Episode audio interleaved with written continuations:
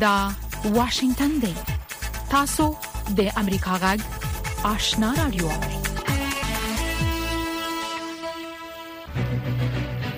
قدرمن اوریدونکو السلام علیکم زه شافیا سردار یم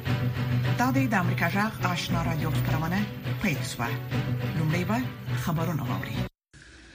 درنو او محترم اوریدونکو السلام علیکم پام وکړئ د دې سات خبرونو ته ویاند غورځنګ د سپینې ماڼۍ د ملي امنیت شورا ویاند وايي، د طالبانو د نړیوال مشروعیت لپاره افغان نجونو او مېرمنو ته د تعلیم ورکولو حق شرط دی. جان کوربي پرون امریکا غږ ته وویل چې طالبان د افغانستان د حکومت په توګه په رسمیت نه پېژني او که طالبان په رسمیت پېژندل غواړي باید خپلې ژمنې پر ځای کړي چې په دې ژمنو کې د نجونو او مېرمنو د زده کړو مسئله هم شامله ده.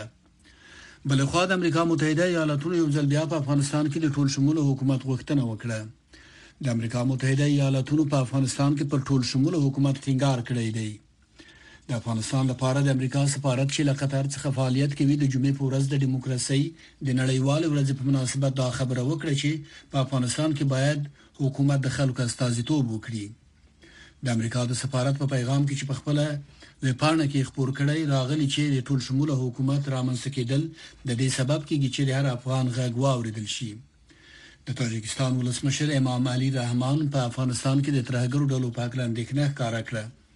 رحمان پرون په پلازمینه دوشنبه کې د منځنۍ آسیا د 15 هیوادونو د مشرانو په غونډه کې وویل چې داعش خراسان څنګه او د انصار الله ډلې ګواښ رامنځته کړی دی په دې دوه ورځنۍ سرمشریزه کې چې پرون پای ته ورسیده د کوربه هیواد تاجکستان ترڅنګ د ازبکستان، ترکمنستان، قرغزستان او قزاقستان مشرانو برخه واخیسته او د آذربایجان ولسمشر الهام علیوف دې غونډې ته د مشر مېلمه په توګه وربلل شوی و. د منځنۍ اسیا په سرمشریزه کې د سرحدونو پر امنیت او د اوبو د انرژۍ د سرچینو پر مدیریت باندې خبرې وشوې د نړیوال مرستندوی ماموریت یا آی ای ایم مؤسسه وايي د خپل زنداني شویو کارکونکو په اړه هیڅ راز اطلاعات نه لري د مؤسسې پرون وویل چې د سپټمبر په 3 او 14 مې یا تل استنه کارکونکو طالبانو په غور ولایت کې نیولي او کابل ته انتقال کړي دي په نیول شوی کسانو کې یو امریکایي ډاکټر هم شته د نړیوال مرستندویه ماموریت مؤسسه وایي نه د خپل نیول شویو کسانو له برخلیک خبره ده او نه هم په دې پوهیږي چې دا کسان ولې نیول شوي دي په غور کې د طالبانو د اطلاعات او کلتور رئیس مولوي عبدالحی زعیم وایي چې د دې مؤسسې اتلس تنه کارکونکي نیول شوي او دا ادعا کوي چې د کسانو عیسویت ته تبلیغ کاوه لامریکا غږ څخه خبرونو ته دوام ورکوي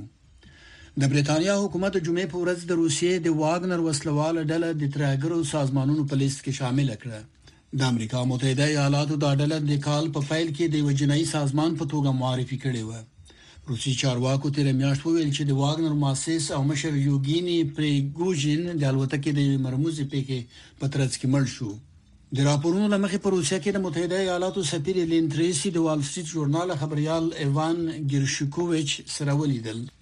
د امریکا غږ آشنا راډیو څخه خبرونو ته ادامه ورکوو. سمندري لوی توپان د متحده ایالاتو شمال ختیځ ساحل ته نږدې شوی او اټکل کیږي چې د روانې اونۍ په وروستیو ورځو کې به دا توپان له قوي بادونو سره یو ځای د امریکا مین ایالت او د کاناډا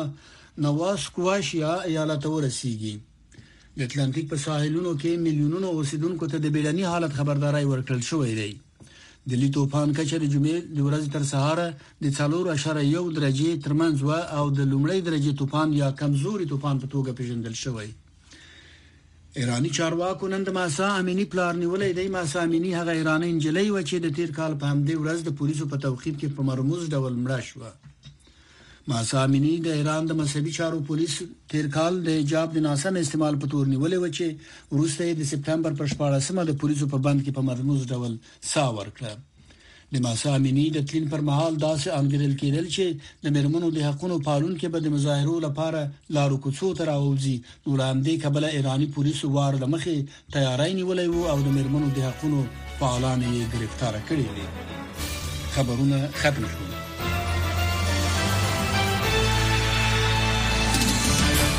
خبرونه مو د امریکا جغ آشنا رادیو څخه واوریدل قدرمن اوریدونکو زموږ په دې خبرونه کې د افغانستان سیمه او نړۍ د اوسنوي حالات په اړه کې مهم مطالب لرو هله د خبرونه تر پای واوري لومړی به دا راپورټ واوري چې د ازبکستان جمهور رئیس شوکت مرزیوف په افغانستان کې د طالبانو د حکومت له خوا د قوچ تپې د کانال په ودانولو باندې اندېښنه شودلې او ویلي دي چې دا کانال به په منځنۍ اسیا کې د اوبو د اوسنی رژیم د بدلون سبب شي د طالبانو حکومت تم لري چې د 15 کلونو په موده کې د دغه ستري پروژې د بشپړېدو وروسته به افغانستان د کرنیزو توکو د تولید لدرکه په خپل بسیاسي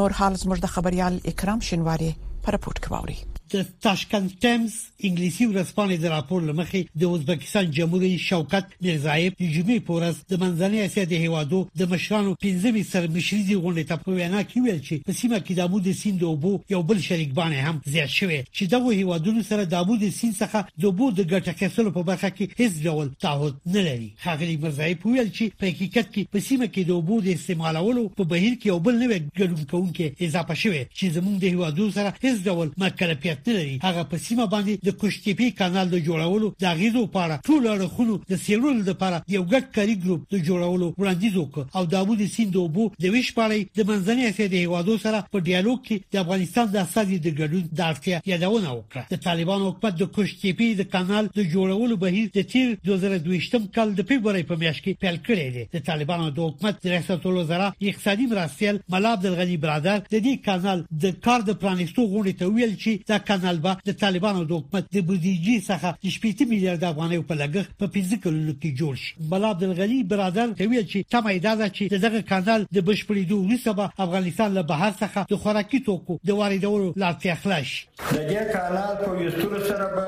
هېواد د کرنیزو محصولاتو په ځانګړي ډول غله جاتو له اړخه خود کفایي ته ورسېږي،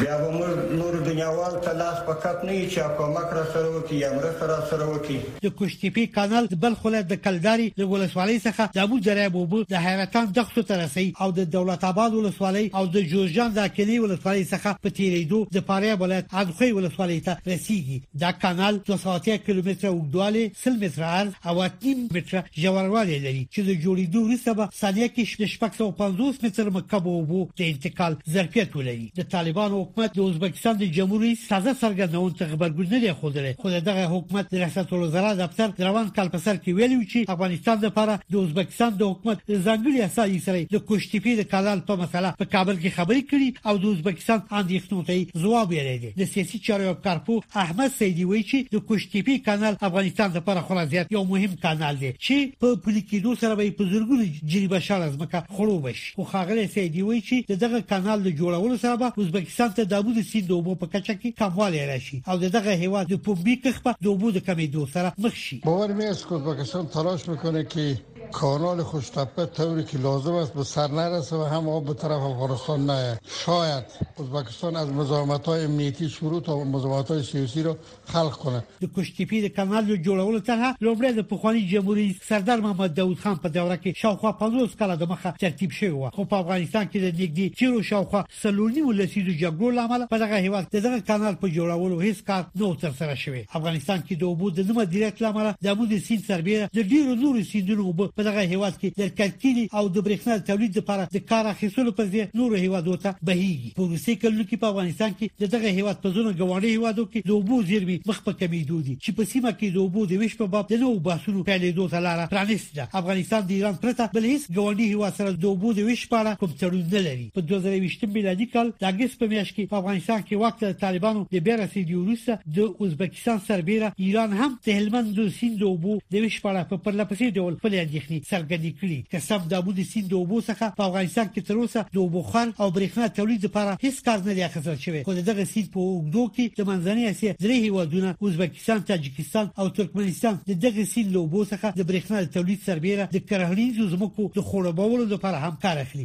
افغانستان هر کال د دغو درې هیوادو څخه په سلګونو میلیون ډالرو برېښنا اخلي چې اکثره د امو د سیند پر اوبو د برېښنا د جوړ شوو بندونو څخه تولیدېږي انتظار پای ته ورسید ترنو لیدونکو او اوریدونکو تاسو کولی شئ د امریکا غټ ټلویزیونی او رادیوي خبرونه د یاشر ساتلایت له طریقو وګورئ او واورئ د نوي ساتلایت لارې تاسو د آشنا اتصال او کاروان ټلویزیونی خبرونه کتلای هم شئ د امریکا غږ د افغانستان څنګه خبرونه په 309 پټ چنل او د آشنا رادیوي خبرونه په 309 پټ چنل کې اوریدلای شئ لملتيامو د تل پشان مننه درنوریدونکو د سپینې ماڼۍ د ملي امنیت شورا ویان جان کربي وایي ک طالبان نړیوال مشروعیت غواړي باید خپل کړي ژمنې پر ځای کړي چې یو یې افغان جنو او میرمنو ته د تعلیم حق ورکول دي کربي وایي طالبان د حکومت په توګه په رسمیت نه پیژني په عین وخت کې د ازبکستان جمهور رئیس شوکت مرزیوف د مرکزي اسیا هیوادونو د مشرانو ترمنځ په غونډه کې د افغانستان په شمال کې د قوش تپې کانال جوړېدو په اړه اندېښنه څرګنده کړې او وايي د قوش تپې کانال منځني اسیا کې د اوبو تعادل لمنځه وړي نور تفصيل پر پورت کې واوري د سپینې ماڼۍ د ملي امنیت شورا ویاند جان کوربي امریکا غږ ته ویل ک طالبان د مشروعیت په اړه جدي دي او غواړي چې همداسې یو څه وشي باید خپل ژمنې چې تر نن نه دي عملی کړي پر ځای کړي کوربي د افغان جنو او میرمنو د زده کړو پر حق ورکولو ټینګار وکړ um, طالبان د افغانستان د حکومت په توګه په رسمیت نه پیژنو که طالبان په رسمیت پیژندل غواړي او یا غواړي چې د یو مشروع حکومت په توګه ورته وکتل شي باید د خپل کړیو ژمنو عملی کېدل پایل کړي چې امداسې ویلي وو د انجونو او میرمنو سره چلند او د ځوانو انجونو او میرمنو لپاره تعلیم پکې شامل دي تر دې مخکې د افغانستان لپاره د متحده ایالاتو ځنګړي اساس ټام وست 13 اونۍ په واشنگټن کې په یو چیرنیز بحث کې ویلي و چې د انجونو او میرمنو زده کړې د افغانستان کورنۍ موضوع ده ما موافق نیستم با آقای تام وست که میگه مسئله تعلیم زنان در افغانستان یک موضوع داخلی است نه این موضوع داخلی افغانستان است نه به اساس فرهنگ افغانی کدام برابری داره و نه به اساس ارزش های اسلامی کدام برابری داره بلکه این موضوع بین المللی است که جهانیان ایره باید متوجه باشند که افغانستان برابری به اساس پالیسی هایی که فعلا در افغانستان موجود است امکانش است دوباره با تاریکی هایی که ما نمیخوایم به او برگرده شاید برابر په ورته وخت کې د افغانستان لپاره د امریکا سفارت چې اوس له قطر نه فعالیت کوي یو ځل بیا په افغانستان کې د ټولګډونو حکومت پر جوړېدو ټینګار کړي د افغانستان لپاره امریکا شارز دافر کرن ډیکر ویلي چې افغان حکومت باید پراخ بنسټه او ټولګډونه وي بلخوا د مرکزی اسیا هیوادونه هم د افغانستان د امنیت او د ترهګرو ډلو د شتون په اړه اندېښمن دي د ازبکستان جمهور رئیس شوکت میرزیایف د منځنۍ آسیا د هیوادونو د مشرانو پنځمې سرمرشیزې غونډې ته چې د جمعې په ورځ پای ته ورسیده په افغانستان کې د طالبان د حکومت لخوا د قوشتېپې د کانال په ودانولو اندېښنه خودلی او ویلي چې دا کانال به په منځنۍ آسیا کې د اوبو په اوسنی نظام کې د بدلون سبب شي په حقیقت کې په سیمه کې د اوبو د استعمالولو بهیر کې یو بل نوی ګډون کوونکی اضافه شوی دی چې زموږ د هیوادونو سره په دې برخه کې هیڅ ډول مکلفیت نه لري.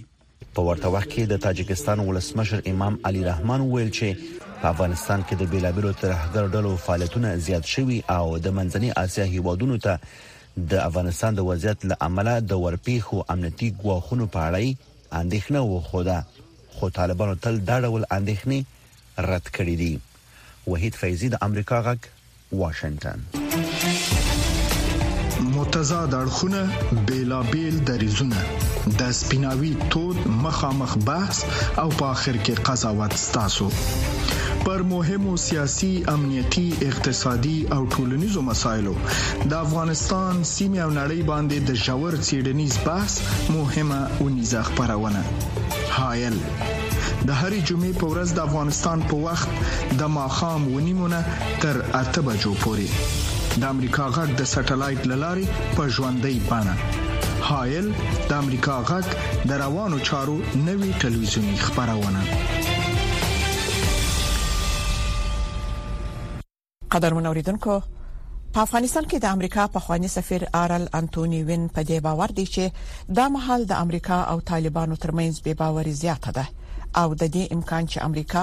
د طالبانو حکومت په رسمیت وپیژني کم دی انټونی وین د امریکا جغ سره په مرکه کې احمد الله ارچوال ته د خبرو په پیل کې د طالبانو د بیا واکمنېدلو نظر ورکړی زه چې په دوه زره نهم کال کې افغانستان ته ولاړم، طالبانو د افغانستان په ځینو سیمو کې یقیناً د نفوذ کولو هڅه کوله. د افغانستان حکومت او امریکا د طالبانو د دوهم ځلي تحرک په اړه ډېر اندېښمن وو. دا هغه وخت و چې ولسمشر اوباما په افغانستان کې د امریکايي ملکیانو او نظامیانو شمېر لوړ کړ. د دې سره سره چې موږ د وخت په تېرېدو سره د طالبانو د واک ته رسېدو په اړه اندېښمن نه وو، موږ دا امکان چې دوی به د وخت په تېرېدو ځواکمن شي، لیدلو. له دې امله د افغانستان د اسلامي جمهوریت حکومت د مشروعیت او د طالبانو سره د جګړې کولو لپاره د لا پیاوړي کولو اړتیا موجوده و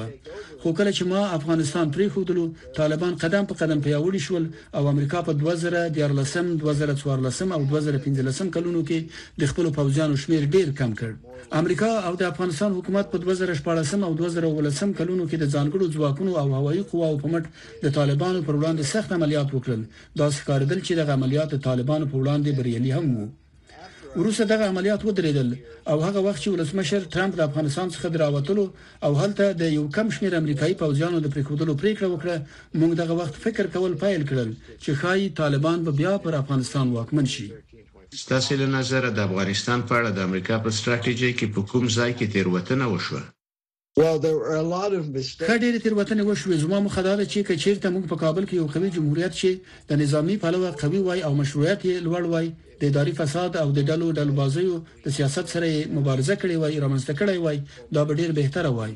په کابل کې یو کمزوری حکومت و، که څه هم چې دغه حکومت د عادي خلکو د نظرونو د اندازه کولو دوامداره هڅې کولې، خو افغانانو دواړه دغه حکومت او هم طالبان نه خوښول افغانانو هغه په فساد ککړ چارواکي چې یوازې د دوی د لوټلو لپاره ورغلي وو هم نه خوښول پر دې سربېره دا چې امریکا د افغانستان اردو په غزمنه توګه وروزي هم یو څه وخت ونیولو او د دې ستونزې یو برخه اختلاس هم وو خو په دې ټول وخت کې تر ټولو جدي موضوع دا و چې طالبانو په پاکستان کې پټنځای نه درلودل نه د افغانستان حکومت او نه هم امریکایان دوی هلته تعقیبولای شول داسې دښمن چې په گاوند کې پټنځای ولري موندل ستونزمن کار دی راځي چې وایو موږ په افغانستان کې یو لړ تیروتنې وکړې ځینې تیروتنې څو څو ځله تکرار هم شوې تر ټولو ستره تیروتنه هغه وخت وشو چې موږ له افغانستان څخه په ناسم ډول د پوځیانو درایستلو تګلارې جوړ کړه او د کار دوه کاله وروسته امریکایي پوځیان د افغانستان څخه له تراژیدي څخه په ډک ډول راایستلو ته لار اواره کړه امریکایانو پر افغانستان له برید کولو څه تر لاسه کړل، ځکه هغه ګروپ چې دوی له واکه ګوښه کړی و، بیا په افغانستان کې واک ته ورسید.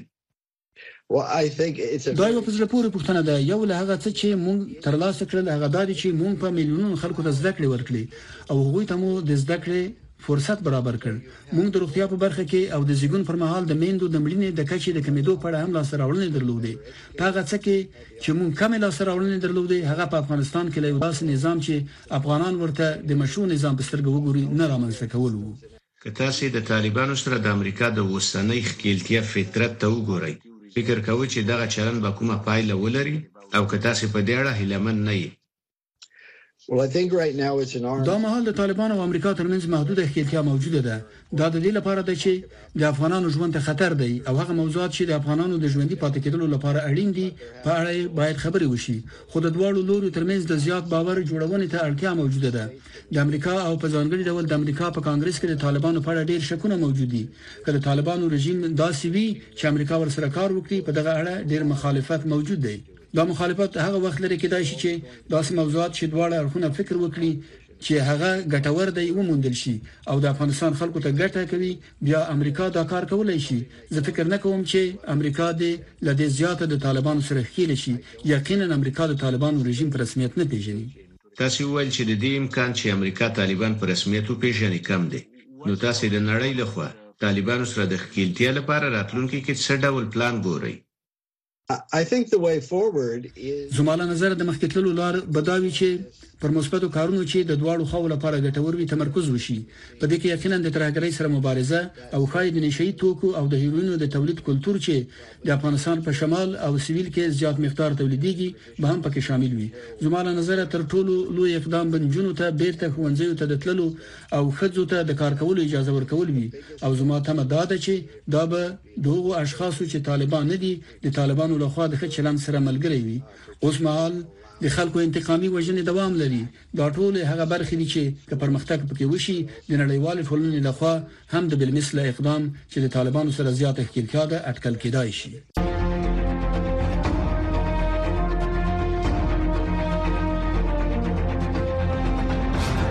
اتصال زموږ او ساسي پیوستون خبرونه چیرنی او خبرګونونه موثق معلومات او دقیق جزئیات کورنۍ نړیوالې او سیمېزي مسلې چې د عام خلکو پر ژوند غیز لري ساسي پښتنې د چارواکو ځوابونه او د پوهانو سپارښتنې لې یک شنبه تر پنځ شنبه هر مخام په شپږ بجو او ډیر شو دقیقو له واشنگټن څخه پر ژوندې بڼه د سټلایټ ټلویزیون او ټولنیزو شبکو لاري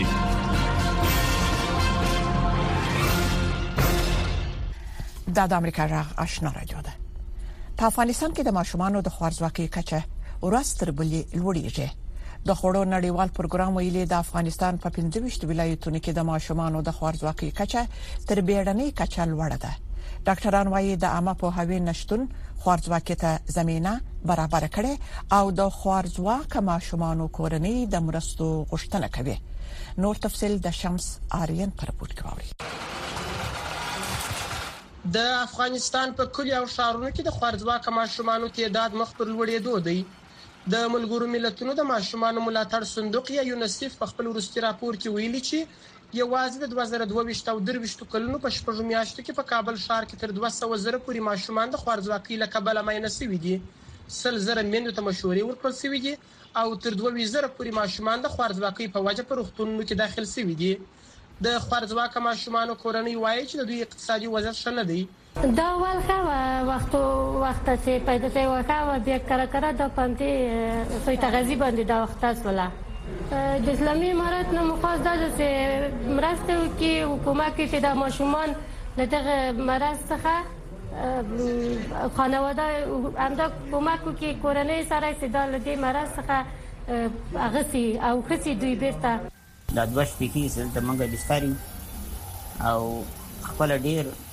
وس کې کمزوري یو حالات هغه مو ډېر ضعیفه د اقتصادي حالات نو موږ له حکومت له امارت هغه دا غوښتنه لرو چې دغسې ماشومان میندې هغه چې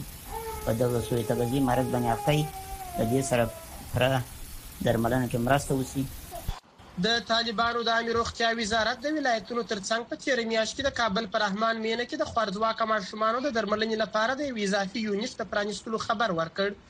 دغه وزارت ویلي و چې د دغه یونیټ په مرسته به د خوارځواکه ماشومانو مړینه راکمه شي. د ماشومانو د برخې متخصص ډاکتران په افغانستان کې د خوارځواکۍ علتونه زیات یادوي. چې له جملې یې کمزوری اقتصاد، د زیاتو اولادونو زېږول، د عامه پوهاوي نه شتون او د نظافت نه مراعتول دي. نو کوشش دا باید موږ وکړو چې دغه میندو ته چې دی عامه پوهاوی ورکړو تر څو خپلو ماشومانو ته نه د کوکنارو د غوزو اوبه، نه د اپین او نه هم خوب شربتونه ورکړي ځکه دا د دې په صحت باندې ډېره منفي اغېزه کوي یوه مسله. دوهمه مسله دا راځي چې دغه ماشومان چې دی هم د شپې د طرفه هم د ورځې طرفه باید چې دی موږ دی ته خپل وخت سره شو ده او خپل غذا ورکو او همدارنګه د دې نظافت د پاره چې ډیر زیات نظافت پر رابطه باندې چې ډیر زیات توجه کو باید پاک او نظیف وساتو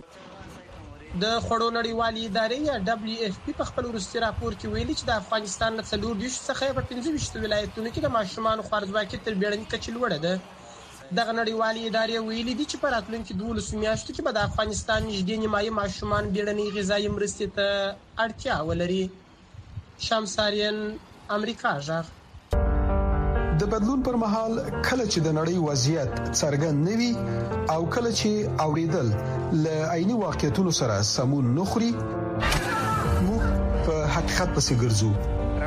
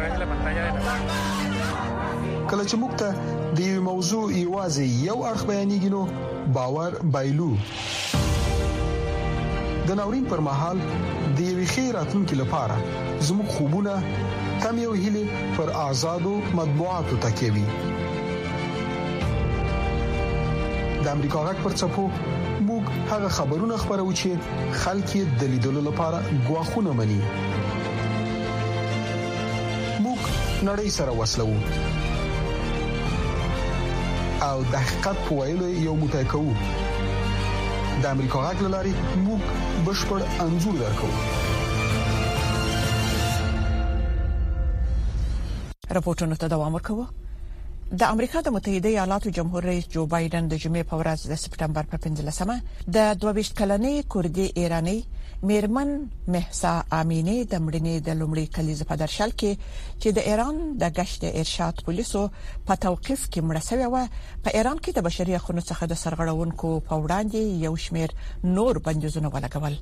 نور حال په رپورټ کې واورئ. پیغله مهسا امیني تیر کال د سپتامبر په 14 مه نیټه هغه وخت مړه شوه کله چې د ایراني پولیسو لخوا د اسلامي جامو د نه اغوستو په تور نیول شوې وه. د مهسا امیني د وژل کیدو نه پس په ایران کې پراخ اعتراضونه پیل شول. د امریکا سیاسي مشران د هغې دغه قرباني په یاد لري. د ایران ښځې او نجونې د خپل دولت نه عزت، درناوی او بدلون غواړي، خو د ایران دولت ورباندې نور هم ظلم زیاتوي چې په پایله کې د شپږو زرو نه زیات ایرانیان وژل شوي او لږ تر لږه دوه ویشت زره نور نیول شوي دي. دا ډول ناروا چلند او د قدرت ناسم استعمال د توجیه وړ نه دی. د امریکا د کانګرس یو شمېر جمهوري غوښتونکي مشران په دې ناراضي دي چې یو خو د ایران د دولت په لاس د ولس اساسي حقوق ځپل کیږي او د امریکا دولت ورباندې نه یوازې غلې دي بلکې د ایران شپږ میلیارډ ډالر شتمنۍ هم آزاد کړي څو 15 امریکایي بندیان خوشي شي ایران د ترلاسه شویو پیسو په اړه غټې لافې وهي. د ایران ولسمشر وايي چې دوی به د دغه پیسو نه په خپله خوښه ګټه اخلي، خو واقعیت دا دی چې دغه پیسې د بشري اړتیاوو لپاره ورکړل شوې دي. د سیاسي چارو کارپوه بهمن بن طالبلو وايي چې د ایران دولت ده ته سخت اخطارونه ورکړي دي. دی هم ایران ته د پیسو د ورکولو د پریکړې سره مخالف دی. ایران ته د برمته شویو امریکایانو په بدل کې پیسې ورکول داسې ښیې لکه د امریکا دولت چې په نا اعلان شوي ډول د کانګرس د مشورې پرته دا کار کړی وي او ویل کیږي چې دا به د ایران د اټومي پروګرام د مخنیوي په ځای د تشویش سبب شي. خو سپینه ماڼۍ ایران ته د پیسو ورکولو د پریکړې دفاع کړې ده او ویلي دي چې دا پیسې به د انتقال نه پس هم د بشپړ څار لاندې وي. موږ به د ایران لخوا د بشري حقونو د سرغړونو پوره محاسبه کوو. موږ به د ایران نه بهر هم د دوی هغو کړنو مخه نیسو چې سیمه بې ثباته کوي او د ترهګرو ملاتړ کوي. په عین حال کې د امریکا د استازو جرګې د مهسا قانون په نوم یوه قانوني طرحه هم په شریکه تصویب کړې ده او بایدن د ادارې غوښتي چې د بشري حقوقو نه سرغړونو او د ترهګرو د ملاتړ په سبب په ایرانی مشرانو سخت بندیزونه ولګوي رڼا دوراني غورزنګ د امریکا غږ واشنگټن دا د امریکا غږ آشنا رادیو ده د ازادو سیالیو استادان او ځوانان په دې نظر دي چې په افغانستان کې تر کرکټ وروسته فري فایټ زیات مینوال لري. د میرزا کټوازي کمپ کې تمرین کوم او بهر مې لوبې نه دي کړې ننګرهار کې مې کړې ولایتونو کې مې لوبې کړې دي دولس څوارلس مسابقې مې کړې په څوارلسو کې یو ریکارډ لرم او نورې نمرو باندې ما در داخل افغانستان بسیار مسابقه انجام دادیم بلکل از حکومت امی چی ما است که با تشویق کنم چی را امی ورزشکارای افغانستان باید تشویق کنه بسیار زیاد تشویق کنه دا لوبغاړي په داسې حال کې د طالبانو له حکومت څخه د تشویق هیله لري چې د افغانستان د بدني روزنې او ورزش ادارې ویاند اتل مشواڼی وايي چې د ازادو سیالیو د ارزونې لپاره یې یو پلاوی ټاکلی څو دا وارزوي چې یادې سیالۍ خو به د اسلامي اصولو او ورزشي اخلاقو سره په ټکر کې نه وي. زموږ ریاست د هېواد د ورزش ادارې لپاره یو هیئت ټاکلی دی او هغوی ته دا دنده سپارلې ده چې د فري فایټ د سیالیو لپاره یو قانون اصول جوړ کړي او هغه اصول او قواعد چې دوی خپل خپل ورزش لپاره لري هغه وګوري داس نقطې کې په چیرې پکې موجود چې هغه د اسلام له مبارک دین سره په ټکر کې یا د سی چې ورزشي اخلاق هغه نه ایجابي چې هغه پکې تر سره سي هغه پکې اصلاح سي او لغنه ورسته بیا دوی ته د فعالیت اجازه ورکړي خو بل خوا لوبغاړي او روزونکي وايي چې فري فایټ منل شوي اصول او قوانین لري. د دوی په نظر چې په دې سیالیو کې داسې څه نشته چې هغه دې د شریعت خلاف وي.